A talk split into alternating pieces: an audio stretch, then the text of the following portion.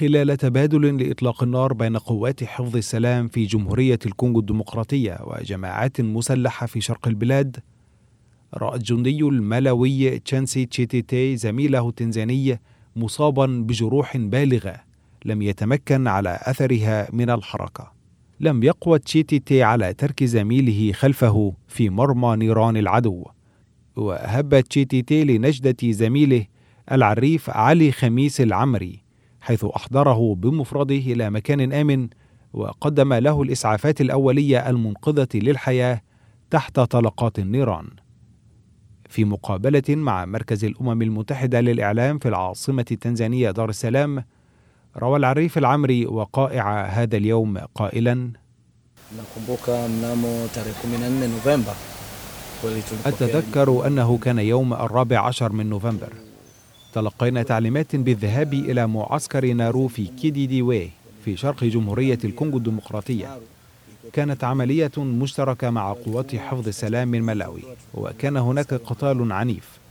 أصبت برصاصة في ساقي ولحسن حظي كنت بالقرب من الجندي تشيتيتي الذي هب لنجدتي وضمد جراحي بينما كنا ما زلنا منخرطين في القتال.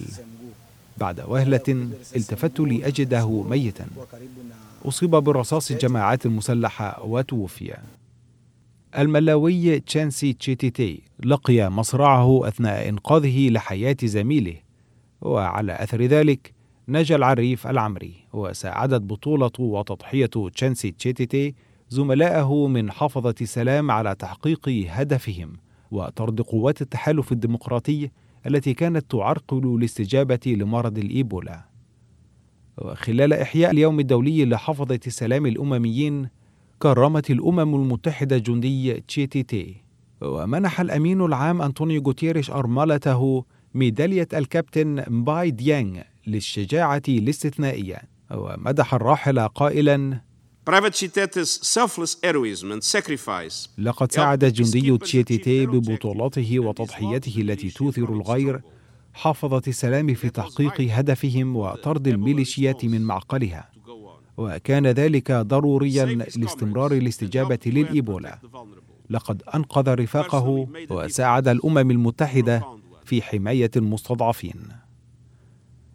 العريف العمري صارحنا بمشاعره بعد مرور نحو سبعة أشهر على الحادثة. قائلا إنه يشعر بتأنيب الضمير لفقدان زميله. وأضاف كنت أتمنى لو لم تنتهي الواقعة بهذا الشكل. لكنها إرادة الله وأنا أدعو له. وأكد أن تضحية تشيتيتي لن تذهب هباء مشيرا إلى أن هذه الحادثة علمته الكثير من الصبر والتعاون وتنفيذ المسؤوليات المنوطة به بجد. ولتكريم جنود حفظ السلام الذين جادوا بأرواحهم في عمليات الأمم المتحدة المختلفة لحماية المدنيين قال العمري ينبغي على الأمم المتحدة مواصلة مساعدة حفظة السلام وتقديم الدعم لهم ورفع مستوى عملهم وقدراتهم. لأن حفظ السلام أمر جيد ومهم للغاية وأثناء تواجد عائلة تشيتيتي بمقر الأمم المتحدة في نيويورك قالت أخته يونيس تشيبيتا في حوار أجريناه معها أن شقيقها كان شخصا جديا ويعمل بجد في كل مهامه وأضافت It was not his first time to go to DRC. هذه لم تكن المرة الأولى التي يذهب فيها إلى جمهورية الكونغو الديمقراطية. كانت المرة الثانية له على الرغم من أنه كان يعرف ما قد يحدث هناك إلا أنه تطوع بنفسه للذهاب للمساعدة في إحلال السلام حتى يعيش السكان في بلد أفضل وروت شقيقته كيف كانت تشيتيتي ودودا حريصا على زيارة أهله وعائلته كلما عاد في زيارة إلى موطنه ملاوي. I remember one time when he came back from DRC. أتذكر في إحدى المرات عندما عاد من جمهورية الكونغو الديمقراطية زار عددا من أقاربنا جاء من أقصى البلاد من زوزو في شمال ملاوي إلى ميلينغوي في وسط البلاد لمجرد أن يلقي السلام فقط